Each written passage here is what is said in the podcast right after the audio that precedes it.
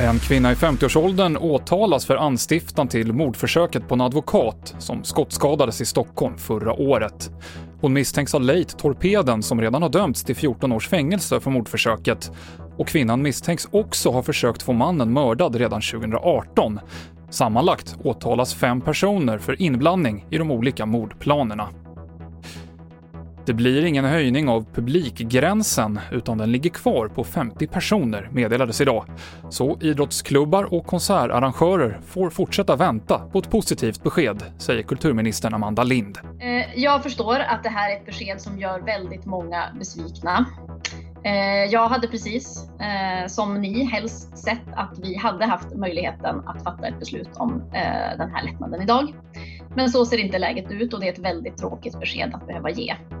Och vi avslutar med att berätta att Norges kung Harald ska opereras.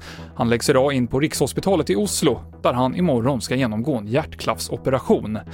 Kungen har varit sjukskriven efter att han i september lades in på sjukhus för andningssvårigheter.